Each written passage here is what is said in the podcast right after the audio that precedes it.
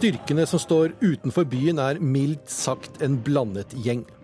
Kampen mot IS pågår på flere fronter, men motstanden er hardere enn ventet. Kan de som utsettes for terror, støtte og hjelpe hverandre videre på tvers av landegrenser? Vi skal til Frankrike. Kan du tenke deg å motta lønn fra staten enten du arbeider eller ikke? Det skal innbyggerne i Sveits ta stilling til i en folkeavstemning i morgen. Heretter skal man ikke straffe kona for å skade henne. Og til det trenger man bare en liten kjepp, som det heter. I Pakistan mener religiøse ledere at menn i likestillingens navn bør slå sine koner litt mindre. Og mot slutten av denne utgaven av Urix på lørdag får du korrespondentbrevet som dreier seg om amerikanernes forhold til krig og konflikt. Men først, som vi hørte i nyhetene, så er bokselegenden Muhammed Ali død 74 år gammel. Han kalte seg selv the greatest, den største, og satte spor etter seg også utenfor bokseringen.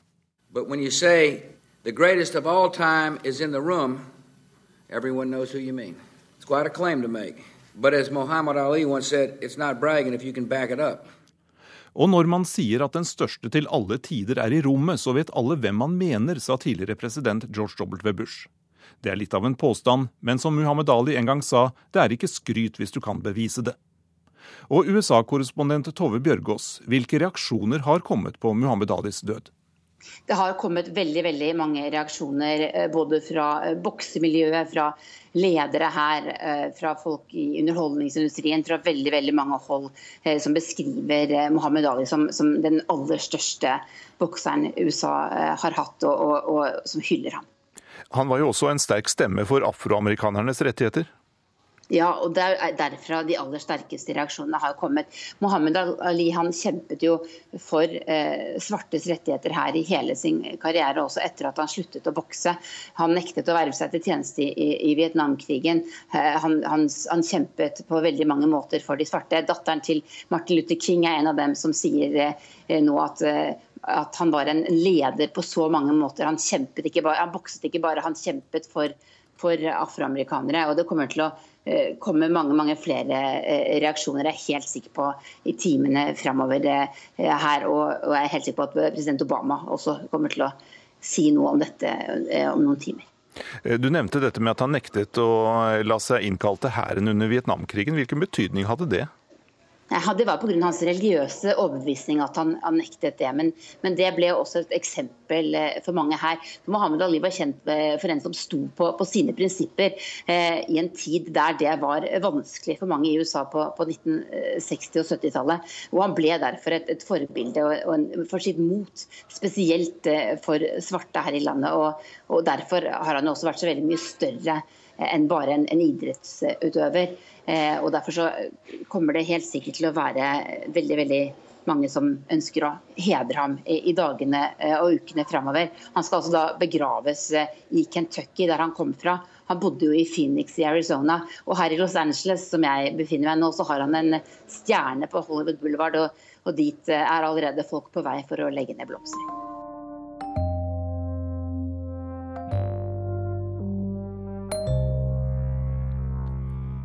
Mange land har satset store ressurser og mye prestisje i kampen mot ekstremistbevegelsen IS. Den militære offensiven pågår på flere fronter i Irak og i Syria. Kampen om den irakiske byen Fallujah pågår, men det har vist seg vanskeligere enn ventet å få IS-styrkene ut av byen.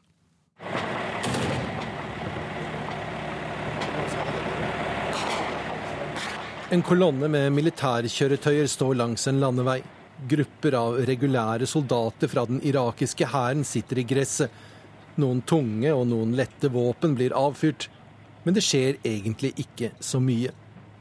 Angrepet på Fallujah, byen som har vært okkupert av IS i over to år, har mer eller mindre stanset opp.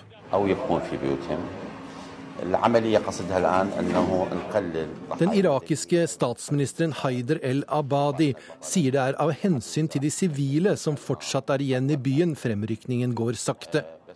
Det viktigste for denne operasjonen nå er å begrense antall sivile tap og begrense tap av egne styrker, er budskapet fra al-Abadi.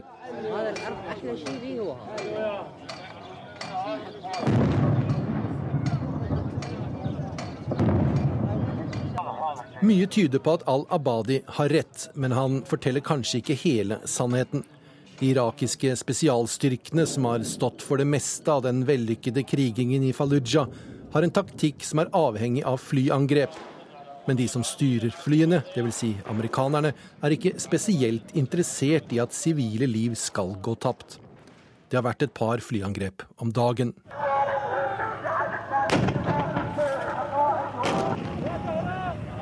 Styrkene som står utenfor byen er mildt sagt en blandet gjeng. Vi hører bombekastere avfyrte al-Hashad al-Shabi, eller Popular Mobilization Forces, det er en sekkebetegnelse for omtrent 40 forskjellige militser, for det meste shia-muslimske, mange av dem støttet av Iran, men også noen sunnimuslimske, kristne og til og med yazedi-militser. De har forskjellig stridsevne, moral, mål og kommandostruktur. Med på laget er også den regulære irakiske hæren med sin bagasje. Det kan ta tid å nedkjempe IS i Fallujah, og det ser ut til at det vil ta tid å rydde Mosul. As soon as possible, we're gonna clean this place. Det er kurdisk peshmerga som rykker frem i vestlig retning mot Mosul, støttet av både amerikanske og canadiske spesialsoldater. Offensiven begynte i slutten av mai, og den har stødig fremgang. Men målet er egentlig ikke Mosul. Den kurdiske militære ledelsen opplyser at de vil stoppe noen kilometer utenfor byen, for den skal inntas av den irakiske hæren på en eller annen måte. Nå står irakerne omtrent der de har stått i to år, etter at offensiven i mars stoppet opp. I Syria er også IS under press, mer press for hver dag som går.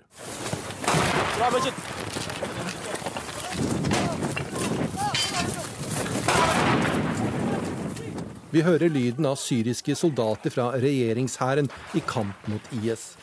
Denne uken startet en større offensiv østover, med utgangspunkt i Hama-provinsen, der styrkene enten på vei mot Al-Tabqa i den sørlige enden av Sadsjøen, eller mot den beleirede byen Deir es-Sor.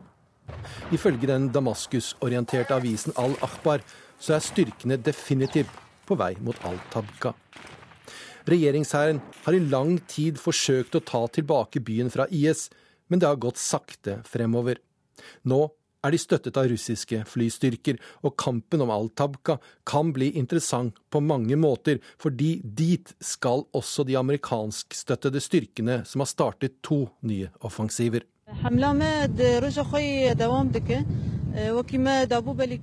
En gruppe militærkledde kvinner med YPG-flagg i bakgrunnen står i et goldt landskap.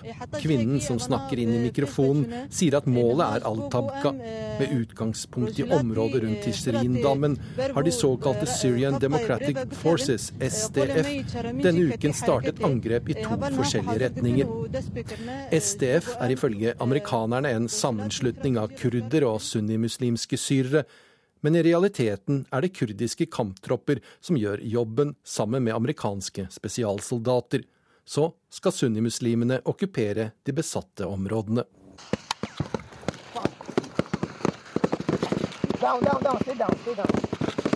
De to angrepene er rettet sørover mot Al-Tabqa, som er inngangsporten til IS-hovedstaden Raqqa, og vestover inn i det som blir kalt Manbi-lommen. Denne lommen er den eneste landkontakten IS har igjen med Tyrkia. Det er både militære og økonomiske grunner til at amerikanerne vil lukke denne lommen. Meldingene fra amerikanske myndigheter er at operasjonen vil ta noen uker. Foreløpig går det ikke fort. Siden starten har de to operasjonene til sammen frigjort omtrent 400 kvadratkilometer. Reporter her var Halvard Sandberg. Og Midtøsten-korrespondent Sigurd Falkenberg Mikkelsen, nå kommer det altså meldinger om at den eh, syriske hæren har gått inn i Raqqa-provinsen, der IS har sitt hovedkvarter. Eh, er dette et vendepunkt i kampen? Raqqa-provinsen er forholdsvis stor. Og det er et stykke fram til byen Raqqa fra provinsgrensen. Men det tyder på at vi er inne i et kappløp her mellom de amerikanskstøttede uh, styrkene og de russiskstøttede styrkene. Så Dette er jo en, måte et, en del av stormaktskrigføringen som vi nå ser konsekvensen av. Og Hvordan de har tenkt å håndtere dette, det kan bli interessant å følge. Og så er det nok også et tegn på at nå opplever de militære styrkene IS som såpass svekket at det er mulig å rykke framover. Det kommer meldinger om at i løpet av de siste to eh, ukene som offensiven mot Fallujah har vart, så har 1000 irakiske soldater blitt eh, såret. Hva sier det om situasjonen? Det viser at eh, Fallujah er en hard nøtt. At her har IS hatt god tid på å lage forsvarslinjer. Eh, de sliter med å trenge gjennom, særlig da fordi det er så mange sivile, som FN hevder eh, IS bruker som eh, sivile eller som menneskelige skjold. Sånn at de har en veldig vanskelig militær oppgave, i tillegg til da en politisk vanskelig situasjon i forholdet til amerikanerne. Jeg tror at Fallujah-offensiven ble startet noe raskere enn hva f.eks. amerikanerne hadde ønsket, bl.a. fordi Haider al-Abadi var under så sterkt politisk press, altså statsministeren i Irak. Så de trengte på en måte å vri momentumet bort fra den politiske krisen i Bagdad og til slagmarken mot IS. Amerikanske militærkommandanter hadde nok foretrukket at de lot Fallujah ligge, som utgjorde ikke noe så veldig stor militær trussel lenger fordi den var omringet, og heller konsentrerte styrkene opp mot uh, Mosul. Hvordan ser du på mulighetene for å få slått IS militært i Irak og Syria? Finnes det noen tidshorisont? Gir det mening å snakke om det? både og. Eh, det kan gå ganske fort, man skal ikke eh, se bort ifra det. Men eh, det meste og historien i disse områdene viser at dette kan ta noe tid, og særlig Mosul. Fordi der er det en enda større sivilbefolkning enn i Fallujah. Og IS er nå så, under så sterkt press at de har ikke muligheten til å trekke seg tilbake og slåss senere, sånn som vi så i Ramadi og Tikrit f.eks. IS, særlig da i Fallujah, er nødt til å slåss. De har ryggen mot veggen. og det kommer til å gjøre kampene mye hardere, og det gjør at det kommer til å ta også lengre tid. Eh, og så er det mange forskjellige politiske agendaer her. Eh, Iran, Saudi-Arabia, USA, Russland. Alle er involvert på en eller annen måte. og Det gjør også at eh, ting går saktere enn det ville gjort uten dette. Takk skal du ha, Sigurd Falkenberg Mikkelsen.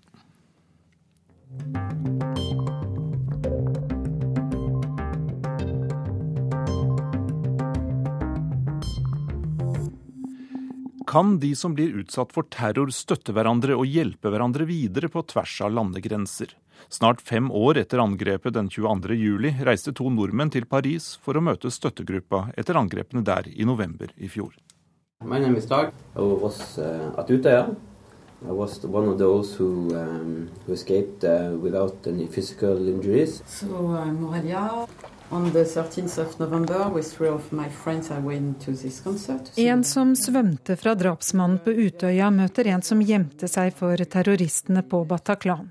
I had uh, three children. Uh, Lola, my daughter, was uh, the youngest, and uh, she died at the, at the Bataclan mm. on the 13th of November. My, my daughter, Sine, she was 18, and she got killed on uh, Utøya.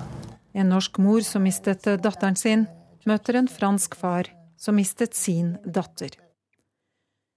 Det er harde fakta som kommer på bordet når to nordmenn fra støttegruppen etter 22. juli møter to franske i støttegruppen etter novemberangrepene i Paris. Angrepet som skjedde på Bataclan, ligner på mange måter det som skjedde på Utøya. Som på Utøya skjøt gjerningsmennene for å drepe. Som på Utøya henrettet de systematisk. Som på Utøya rømte folk i panikk, og som på Utøya gjemte vettskremte mennesker seg så godt de kunne. Og som i Norge skal Frankrike etter hvert gjennom en rettssak etter angrepet, der 130 mennesker ble drept og flere hundre skadet. Både hos leder Lisbeth Røyneland i støttegruppen etter 22. juli og hos den franske gruppen Tres Ons Quinze var svaret et spontant ja da NRK foreslo et møte. Jeg tenkte at det kunne være veldig, veldig givende å møte noen andre i samme situasjon som eh, har opplevd terror. Endelig er det noe som har bruk for oss også. At vi kan dele med våre erfaringer til andre terrorofre. Det blir være interessant å se om, det, om vi deler et fellesskap, så de terrorofrene fra, fra, andre land også, om vi deler samme erfaringer og opplevelser. Det sier Dag André Andersen, Da terroristen kom til den vesle øya i Tyrifjorden, var han en av dem som la på svøm, og som kom seg unna uten fysiske skader. På et grått og nakent møterom, i lokaler som gruppen har fått av Paris kommune, går samtalen raskt. Nordmennene har 1500 medlemmer bak seg, og snart fem års erfaring i dette krevende arbeidet. But I, I have a question. Do the state give you uh, solicitor help, get compensation and all that? Ah, the compensation. Yeah. we are very Uh, I'm just uh, curious how it works in your country. Georges Salin leder den franske gruppen. Aurélia Gibert er styremedlem. Do, do you have uh, on yourself a fund or uh, financial support from any uh, I den franske gruppen er det rundt 500 medlemmer, og nordmennene anbefaler dem å invitere til samlinger. There been any gatherings uh, with health personnel or Mens franskmennene forteller at de har vært opptatt av å tilby psykologhjelp og samtaleterapi, anbefaler nordmennene at medlemmene snakker med hverandre eller med andre som har opplevd lignende ting. I Norge kalles det kameratstøtte, forklarer Dag. Some gatherings uh, could be it could be good to have a psychiatrist or uh, nurses or doctors uh, present, but sometimes it's good not to have them around, uh, not to get analyzed, uh, judged. Uh, yeah. It's only six months since the attack, and uh, one experience we have. It's important to call again. Yeah. Nordmennene er også tydelige på at støttegruppen bør tilby hjelp flere ganger. Begge sier at folk ikke alltid forstår med en gang at de trenger hjelp. Dag forklarer at han fungerte ganske greit på jobb etter Utøya, men at han var helt utslitt når arbeidsdagen var over. Han gjorde oppgaver han senere ikke kunne huske at han hadde gjort. There's no, there's no energy, and, and when I look back, I see it very well written and formulated, and yeah, but I can't remember writing those words. So it's completely gone from my memory. De to gruppene har også flere felles erfaringer. Begge foreldrene levde i uvisshet før de fikk vite hva som hadde skjedd med datteren. Det eneste Georges fikk da han endelig kom gjennom på et krisenummer som var opprettet, var en liste over sykehuset i Paris som han kunne ringe til. Til slutt satte han seg i bilen og kjørte rundt til dem. Og selv om datteren ble funnet død klokka seks om morgenen med identifikasjonspapirer på seg, fikk han først vite om det et halvt døgn senere. At, uh, at morning, so I, I, I lost 12 hours uh, running from hospitals to hospitals. Yes. Og Lisbeth, hun måtte vente et par dager før hun fikk det samme budskapet. Så kaoset og den forferdelige tiden før man fikk visshet er noe begge kjenner til, og alle de fire ler oppgitt når det er snakk om byråkrati og alle papirene som må fylles ut. You have to make a lot of papers in France. We love papers. Yeah, So- we, we do too. we do too. So we, had to, we are looking for De fire er enige om at de vonde erfaringene de har, bør brukes hvis eller når nye angrep kommer. Og når møtet er over, og norske klemmer og franske kyss på kinnet deles ut, diskuterer de muligheten for å møtes igjen. Can I hug you? Yeah, Thank you. Thank you. Thank you very Thank you.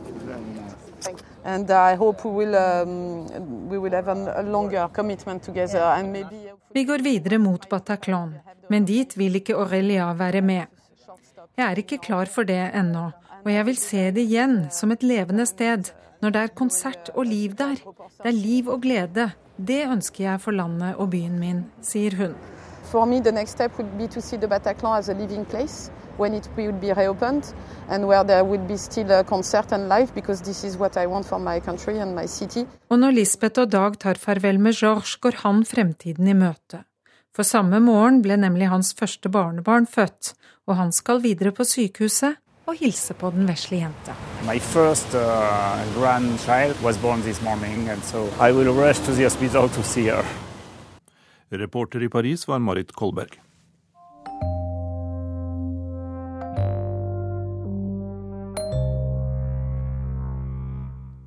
Økende arbeidsledighet og store sosialutgifter i mange europeiske land har skapt ny interesse for tanken om såkalt borgerlønn. I morgen er det folkeavstemning i Sveits om et forslag som innebærer at alle skal få utbetalt litt over 21 000 kroner hver måned.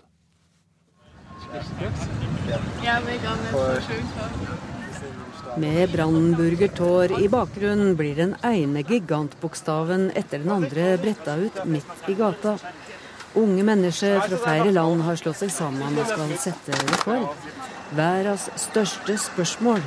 Det tar tid å brette bokstavene ut langs den breie gata inn mot Brandenburger Tor i Berlin, og en må opp i lufta for å lese hele setningen. Hva ville du gjort dersom inntekta di blei sørga for, er spørsmålet.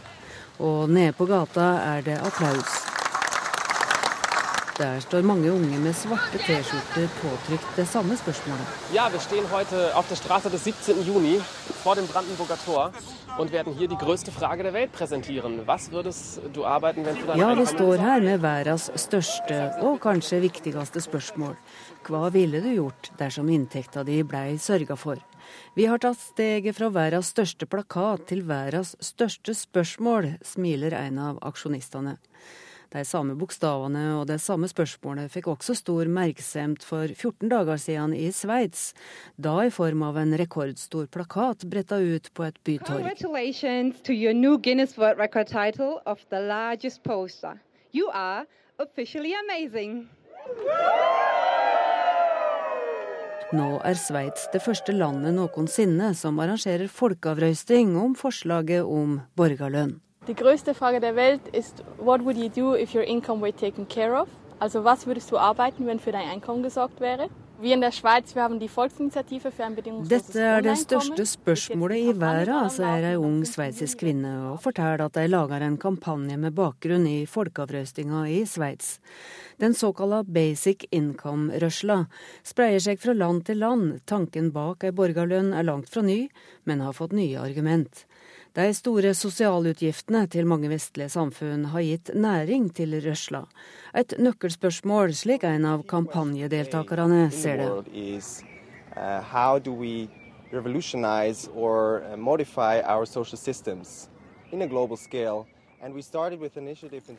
Hvordan kan en snu om på og reformere våre sosiale system i en global skala? Vi starta i Sveits, men vil utvide til flere land, sier en tredje aksjonist. Den sveitsiske debatten om borgerlønn starta for alvor i 2013. Da ble over 100 000 underskrifter samla inn til støtte for en nasjonal debatt og folkeavrøsting. Tanken er at ei ordning med litt over 21 000 kroner utbetalt til alle hver måned, vil fjerne alle andre sosialstønader. Her i landet ville hele Nav kunne bli fjerna. En kunne drastisk forenkle både trygde-, helse- og rettssystem. Bak tanken ligger også ei redsle for at robotteknologi snart vil erstatte mange arbeidsplasser. Men ideen blir møtt med mye motstand. Result, economy. Economy. Taxes. Result, as a whole could afford less welfare benefits rather than more welfare benefits. So basically, almost everybody Sjefsøkonom Holger Schmeding i Berenberg Bank mener alle ville komme dårligere ut. Mindre skatteinntekter og lite jobbinsentiv som viktige ankepunkt. Men i Europa har røsla for borgerlønn til alle nå snart 300 000 aktive medlemmer. Og pilotprosjekt er i gang i Canada og Nederland. Alles, wird dadurch Realität. Og som en av aktivistene sier, mye som var en utopi før i tida, er i dag en realitet.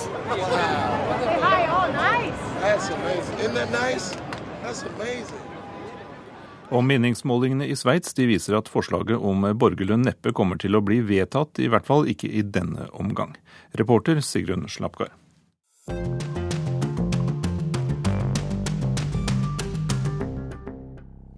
Presidentvalgkampen i USA har kommet til California, der det siste avgjørende valget i nominasjonsprosessen avholdes på tirsdag. Clinton og Sanders ligger likt på meningsmålingene, mens Donald Trump har på sin side allerede sikret seg et flertall av delegatene. Men han holder på å drive valgkamp likevel. Han tiltrekker seg både tilhengere og stadig mer rasende motstandere. Tove Bjørgaas følger valgkampinnspurten. Trump er søppel, roper demonstrantene. De fleste av dem er i 20-åra og noen har meksikanske flagg drapert rundt skuldrene. Ukvemsordene hagler mot den lange køen av mennesker på den andre siden av gata. De er på vei inn i en stor messehall. Vi er i San José i Porsche Silicon Valley. Vanligvis åsted for tech-konferanser og nettverksbygging. Men i dag er det annerledes. For Donald Trump er på besøk.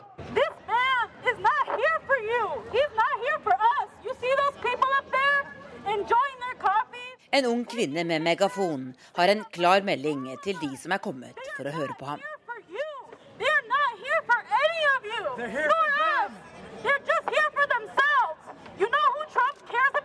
Han er ikke her for dere. Se de rike menneskene der oppe, sier hun. De bryr seg ikke om dere. Hun peker på noen som sitter på en hotellterrasse og ser på sirkuset nede på gata. Sandy Au står i Trump-køen og føler seg tråkket på. And, and I think that's tied to a lot of other things. I'm paying for them. I'm tired. I'm, I'm a full-time worker. Innvandring er viktigst for meg. Jeg betaler for dem. Jeg er lei av det. Jeg jobber full tid, sier hun og forsvinner inn gjennom sikkerhetskontrollen.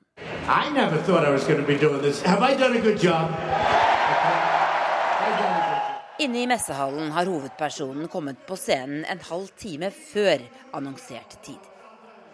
Donald Trump synes tilhengerne hans har ventet lenge nok. De skal få rekke hjem for å se en viktig kamp i basketsluttspillet på TV, lover han. Men først understreker han at han identifiserer seg med den euforiske folkemengden han har foran seg. The Bernie people are going to be voting for Trump because that's such a big thing.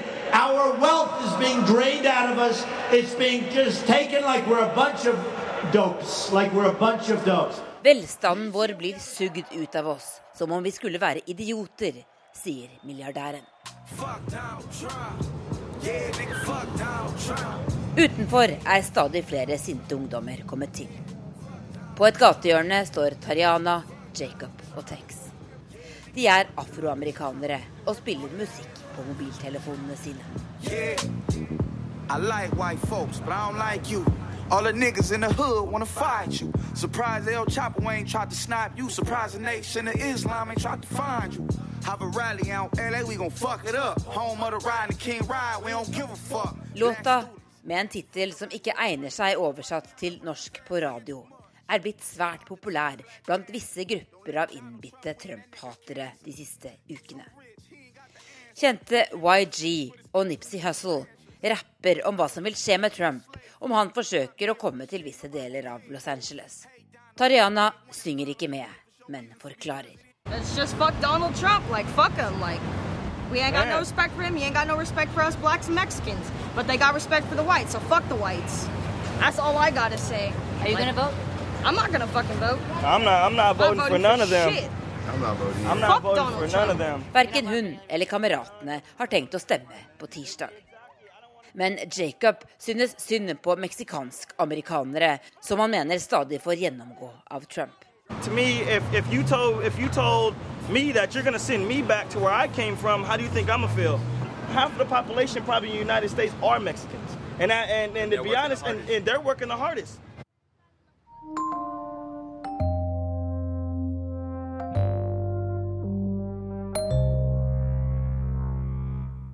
Natos styrkeoppbygging i Øst-Europa er med på å skape stabilitet. Det sier generalsekretær Jens Stoltenberg noen uker før alliansens toppmøte i Warszawa. Nato bygger opp USAs rakettskjold i Romania og Polen, og vil plassere ut styrker i Baltikum, og også i Polen. Russland eh, mener at tiltakene vil virke destabiliserende, og truer med mottiltak.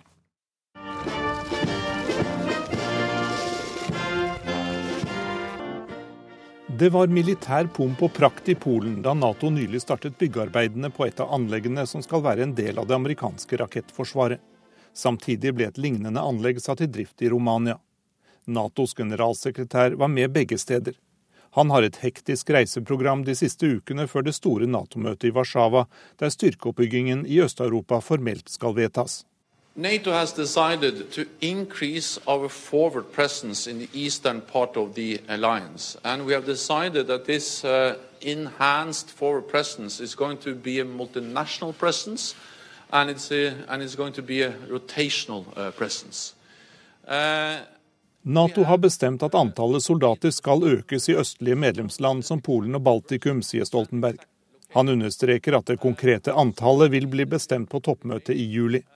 Men det er klart at flere soldater, mer infrastruktur og mer forhåndslagret utstyr skal på plass. Dette er et svar på Russlands annektering av Krimhalvøya og den russiske militære innblandingen i Øst-Ukraina. Budskapet til russerne er klart, sier generalsekretæren. Et angrep på Polen eller andre medlemsland vil utløse et svar fra hele alliansen. Samtidig hevder Stoltenberg at Natos militære tiltak vil virke stabiliserende. Everything we do is defensive and it is proportionate and, uh, and it's absolutely in line with our international uh, uh, commitments. This is something which is part of a Alt vi gjør er defensivt og i tråd med våre internasjonale forpliktelser, sier Nato-lederen. Det er forhåndsvarslet, og det er ingen grunn til at noen skulle bli bekymret, mener Stoltenberg. I Romania ble han ledsaget av USAs viseforsvarsminister. Uh,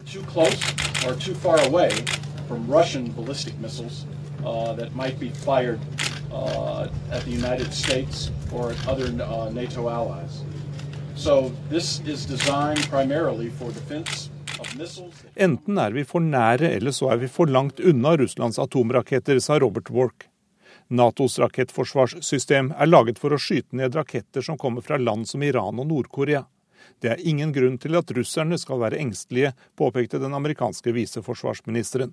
Men de russiske lederne har i det siste gjentatte ganger sagt at både rakettskjoldet og styrkeoppbyggingen er en direkte trussel mot Russland Это ответные действия. Ответные. Мы, мы не предпринимаем никаких первых шагов. То же самое будет и в Польше. Будем ждать, пока э, в Польше будут проведены определенные действия. Folk i Romania og Polen vil heretter få vite hvordan det er å ha militære sikter rettet mot seg. For Russland blir tvunget til å sette i verk mottiltak for å styrke sin sikkerhet, sier president Vladimir Putin.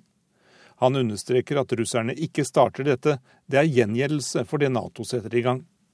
Men når russerne ser rakettene hos sine naboer, da mener Putin at noe må gjøres. Han avviser at det som skjer nå har noe med konflikten rundt Krim å gjøre.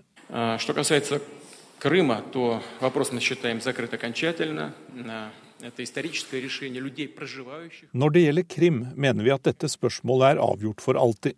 Dette er en historisk avgjørelse som ble tatt av innbyggerne på halvøya. Denne saken vil Russland aldri diskutere med noen som helst, sier den russiske presidenten kontant.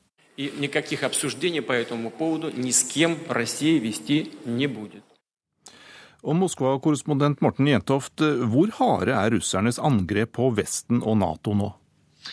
Vi ser jo på eh, f.eks. disse siste tiltakene fra Nato USA. Eh, eh, det at man nå på en måte offisielt åpner disse basene i forbindelse med rakettskjoldet i Polen og Romania. Man ser jo dette som offensive tiltak fra Nato og USA sin side. Og man har jo helt klart kommet med konkrete mottiltak. Russerne skal opprette tre nye divisjoner, altså militære avdelinger avdelinger eh, på vest- og sørflanken sin, altså mot Europa. Eh, senest denne uken kom beskjeden om at en eh, divisjon som tidligere har vært stasjonert nær byen Jekaterinburg bak Uralfjellet, nå holder på å pakke sammen og skal flyttes vestover til grensen mot Hviterussland. I tillegg til det så fortsetter de en aktiv øvelsesaktivitet også i den vestlige delen av Russland. Sånn at man ser på en rekke plan at russerne svarer da eh, militært med økt tilstedeværelse, økt eh, militær øvelsesaktivitet i nærheten av eh, det som de ser på en stadig framrykkende front fra NATO sin side. Forsker Tor Bukkvold ved Forsvarets forskningsinstitutt, hvordan vil du karakterisere forholdet mellom Nato og Russland nå? Det er så dårlig som det nesten noen ganger har vært, skulle jeg si. Det er i hvert fall graden av mistillit er nok tilbake til der den var under den kalde krigen. Det er mange andre forhold som gjør at det blir feil å, å sammenligne med den kalde krigen, men når du snakker kun om graden til mistillit, så tror jeg vi er tilbake på det nivået. Disse tiltakene, militære tiltakene, svar og reaksjon, hvordan ser du på det? Det er Jeg tror nok Russland føler at de er nødt til å gjøre noe. Samtidig så gjennomførte Russland en forsvarsreform fra 2008 der man Eh, bestemte seg egentlig for at kun kjernevåpen skulle være en del av avskrekkinga til Vesten. Så har man senere funnet at det ikke var så lurt. Så en del av de tiltakene som nevnes her, har òg med å gjøre at man ønsker å ha en konvensjonell i tillegg til en kjernefysisk avskrekking vestover. Hvilke andre tiltak kan det være snakk om fra russisk side, Jentoft?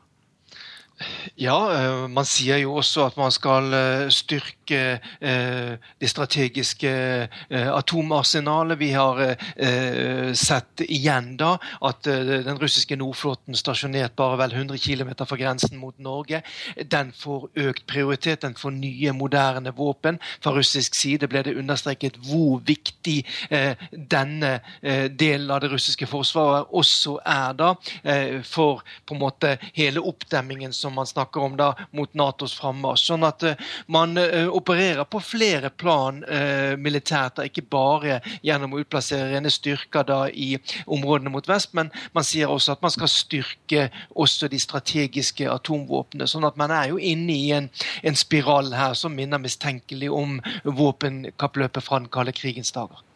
I Finland og Sverige så diskuteres Nato-medlemskap. Og, og, hvis de nå skulle bli medlem, så har jo alliansen kommet nesten hele veien fram til Russlands vestgrense. Eh, har ikke russerne et poeng når eh, de sier at Nato provoserer, Boko? Det blir jo den litt evige diskusjonen om hvem som begynte her. da. Eh, mange vil jo da si at det, det var de landene som nå blir medlemmer i Nato. Det er ikke for at Nato bevisst har gått inn for å få flere medlemmer, men det er for at de landene som ligger opp mot grensene til Russland, har vært redd for Russland og derfor ønsker inn i Nato. Så det er litt på spørsmål om hvem som tok initiativet her. Men uh, sett fra Moskva? Sett fra Moskva så er det ganske klart at det, det blir sett på som en provokasjon. Og de tror heller ikke egentlig, tror jeg, at det, det er det landet her som så mye ønsker inn i Nato. De ser nok det mer på det her som at det er Nato som bevisst prøver å utvide seg vestover, østover. Takk for at eh, dere var med i denne samtalen, forsker Tor Bukkvold ved Forsvarets forskningsinstitutt og Moskva-korrespondent eh, Morten Jentoft.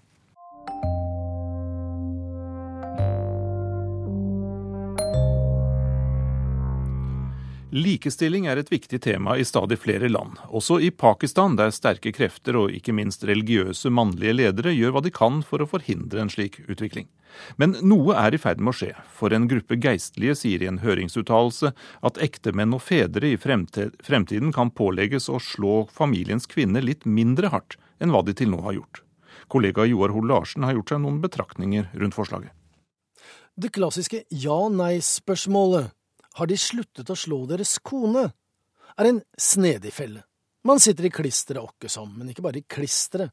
Å banke opp kona er faktisk ikke lov i Norge og en rekke andre land. Men kanskje vel så viktig. Det er ikke ansett som spesielt høyverdig, det er kort og godt ikke sosialt akseptert. Men kanskje viktigst av alt, det er ikke spesielt macho. Det kan ikke være mange som får klapp på skulderen av kompisen og blir påspandert øl etter å ha gitt kona en blåveis eller to. Selv om de mange krisesentrene for mishandlede kvinner her i landet nok kan nyansere dette bildet en smule.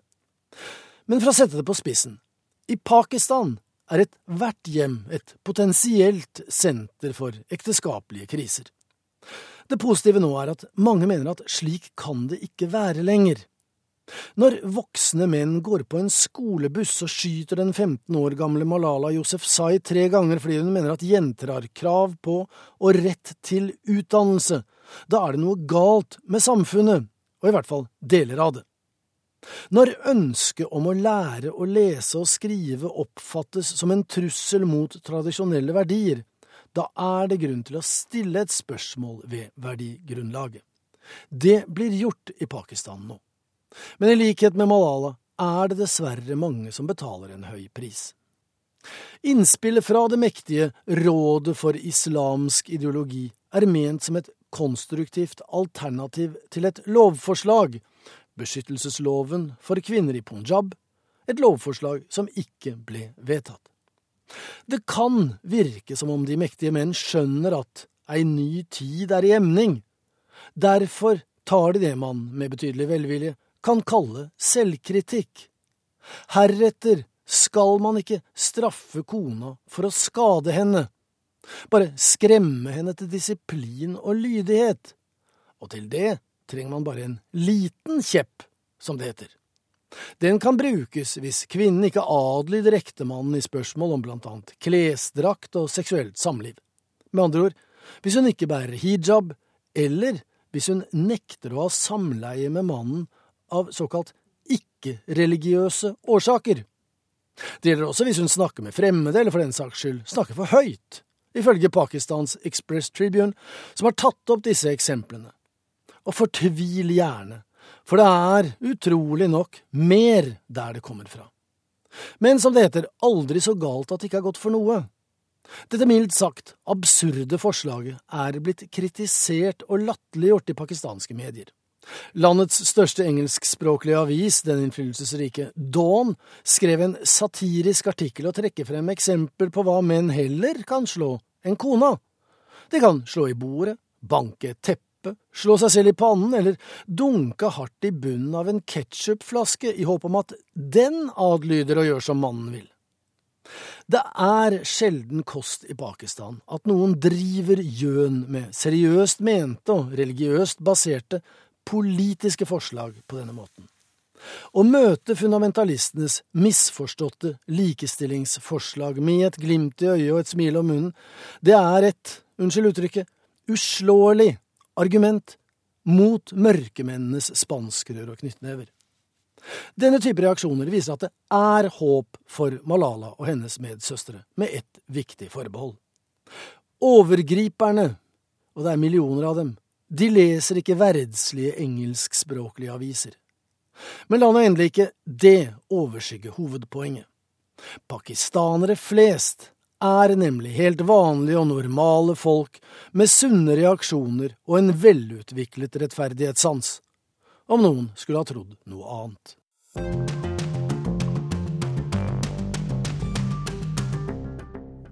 Om en snau måned overtar Slovakia formannskapet i EU. Det betyr at landet får ansvaret for å legge til rette for gode kompromisser i EUs største utfordring for tida, nemlig migrantkrisa. Samtidig er Slovakia det EU-landet som tar imot færrest asylsøkere. Vår korrespondent Guri Nordstrøm rapporterer fra Slovakia. Oni nie sú ešte pripravení na tento európsky život. De er ikke klare for den europeiske livsstilen, sier Jan Sjabo.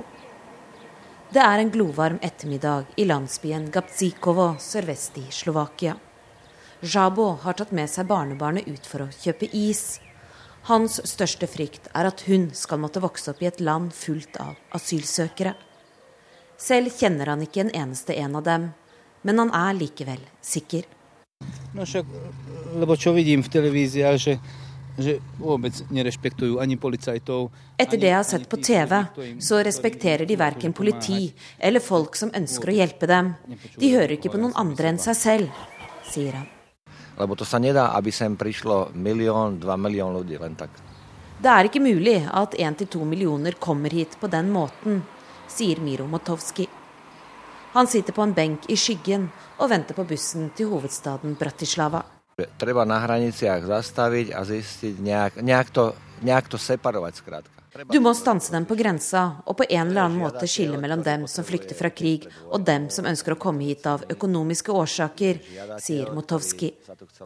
Og rekker akkurat å legge til at han tror de fleste som kommer, bare er ute etter en bedre økonomi, før han hopper på bussen.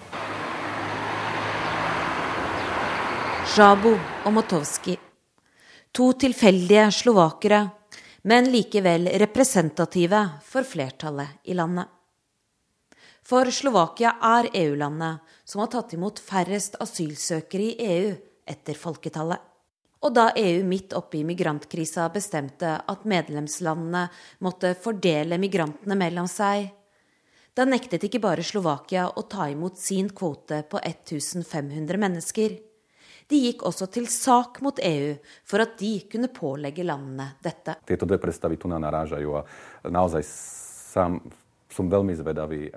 Det er to syn som kolliderer med hverandre, og selv er jeg veldig nysgjerrig på hvordan Slovakia vil klare å finne en løsning på dette problemet, sier forsker Martin Slosiarik. Han leder analysebyrået Fokus i Bratislava og forsker på slovakernes holdninger. Den viser at kun 2% av slovakerne syns det er greit å ta imot flyktninger permanent. Podľa môjho názoru je to tým, že nie sme vlastne dnes multikulturálnou spoločnosťou. Jeg mener det skyldes at vi ikke er et multikulturelt samfunn, og fordi vi ikke har noen erfaring med ulike folk og andre kulturer. Folk er redd for at de skal komme hit og ta jobbene våre, belaste sosialsystemet, Og sist, men ikke minst, er det særlig skepsis mot muslimer.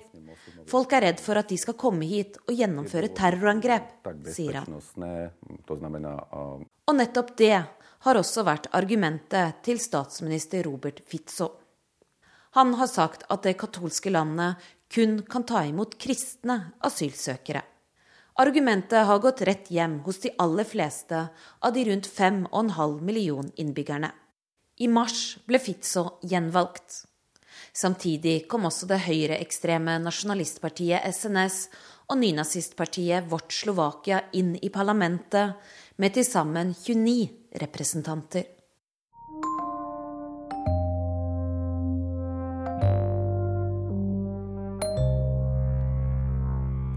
Sist mandag var det Memorial Day, dagen da USA minnes dem som døde i krig eller som følge av terrorhandlinger.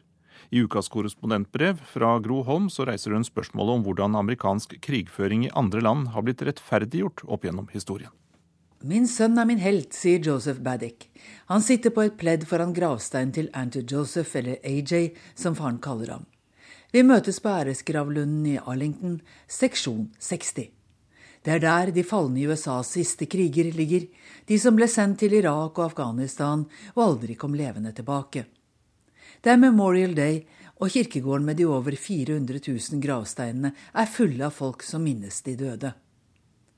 AJs grav er pyntet med blomster i de amerikanske fargene rødt, hvitt og blått. Soldater i tjeneste har sørget for at samtlige graver er dekorert med flagg.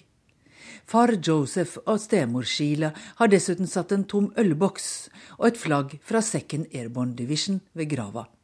Faren har på seg en T-skjorte fra samme divisjon, pluss en kamuflasjevest fra US Army og et jakkemerke med bilde av Donald Trump. Andrew ble sendt til Irak i 2003, bare noen måneder etter at George W. Bush gikk til krig mot Saddam Husseins regime. Han var utdannet fallskjermsoldat, som meg, forteller Joseph. AJ og troppen ble bedt om å delta i et bakhold mot irakiske styrker som forsøkte å angripe det amerikanskkontrollerte Abu Ghraib-fengselet. Men to av de amerikanske pansrede kjøretøyene havnet i en kanal like ved. AJ hoppet uti for å delta i redningsarbeidet, men druknet sammen med en av dem han forsøkte å redde. Han var en supersvømmer, men det holdt ikke, sier Joseph med tårer i øynene. Jeg liker å tenke at Irak er friere, sier Lynn Romans. Det var hennes sønn AJ gjorde et mislykket forsøk på å redde. Hun har kommet bort for å vise AJs foreldre respekt. Jeg oppdro en helt og tror han gjorde en forskjell, legger hun smilende til. Hun er også stolt over at USA vet å verdsette familiens offer. Uten at jeg måtte spørre, svarer hun altså på det vanskelige spørsmålet jeg ikke kunne unngå å ha på tunga. Var Irak-krigen verdt offeret? Samtalen blir avbrutt av lyden fra en champagnekork ved en av nabogravene. Jeg feirer de 26 årene jeg hadde sammen med min sønn, sier Karen Meredith, mor til stridsvognkommandant Kenneth. Hvert år forsøker jeg å ha den mest pyntede graven på Arlington, og det kan se ut som om hun har lykkes. Jeg støttet aldri krigen i Irak, men det var dette han ville, så jeg fortalte ham ikke det mens han levde. Han ble drept utenfor Najaf i Irak for nøyaktig tolv år siden i dag, sier Meredith, og skåler med venninnene for sin avdøde sønn. Her i USA er det ikke vanlig å spørre om alle de drepte, og om alle de fysiske og psykiske skadene mange soldater må slite med resten av livet, er verdt det. Om krigen var viktig nok. Du spør aldri en veteran om sånt, sa en Vietnam-veteran med langt grått hår da jeg spurte ham om nettopp det. Det er forståelig men hvordan kan det ha seg at USA som samfunn ser ut til å akseptere så store ofre for kriger stort sett utkjempet på den andre siden av et verdenshav? Svaret tror jeg ligger i en underliggende følelse av at dette landets forutbestemte skjebne er å gripe inn for å gjøre godt der det trengs i verden. Forestillingen har gamle røtter. Fra første halvdel av 1800-tallet var forestillingen om forutbestemt skjebne uttalt av datidens amerikanske politiske elite. Thomas Jefferson hadde allerede under den amerikanske revolusjonen i 1780 snakket om nødvendigheten av å utvide frihetens imperium. Ekspansjon vestover og sørover var også et sivilisasjonsprosjekt. Noen så det som et oppdrag fra Gud, mens andre la større vekt på ideene fra opplysningstiden. De så seg som misjonærer for frihet og demokrati. Slagordet 'forutbestemt skjebne' ble brukt til å begrunne alt fra erobring av land fra idianske stammer til krigen mot Mexico. Den endte i 1848 med at store områder, bl.a. dagens California, New Mexico, Arizona og Nevada, ble amerikansk. Men da det viste seg at de fleste indianske stammene ikke ønsket å underordne seg og dessuten kopiere nybyggernes levesett og verdier, ble de overlevende drevet vekk og inn i reservater. Forestillingen om en forutbestemt skjebne har naturlig nok endret innhold i løpet av et par hundre år. President Theodore Roosevelt tok i 1904 eksplisitt avstand fra territoriell ekspansjon men mente at USA burde spille rollen som internasjonal politimakt med tilhørende rett til å intervenere militært. En rettferdig krig er i det lange løp mye bedre for en nasjons sjel enn den mest lønnsomme fred oppnådd gjennom feilslått ettergivenhet eller urettferdighet, sa Roosevelt. Verden må sikres for demokratiet, sa president Woodrow Wilson noen år senere, da USA oppga nøytralitetslinjen og ble med mot slutten av første verdenskrig. Så fulgte mellomkrigstiden med sterke isolasjonistiske strømninger i amerikansk opinion. Men med Japans angrep på Pearl Harbor i 1941 var det klart at USA ikke lenger kunne stå utenfor andre verdenskrig. Under den kalde krigen ga det seg selv hvorfor amerikanske soldater ble sendt til utlandet. Det handlet om å stanse kommunismen, enten det gjaldt Korea, Cuba, Vietnam, Kambodsja eller revolusjonstruede land i Mellom-Amerika. Amerikanske barn lærte på skolen om hvordan de skulle dukke og gjemme seg dersom russerne gjorde bruk av atombomben. Rundt middagsbordene ble det diskutert hvordan familien kunne sikre noen dagers forbruk av rent vann. Kommunismen med Sovjetunionen i spissen ble sett som en eksistensiell global trussel mot USA og mot amerikanske verdier.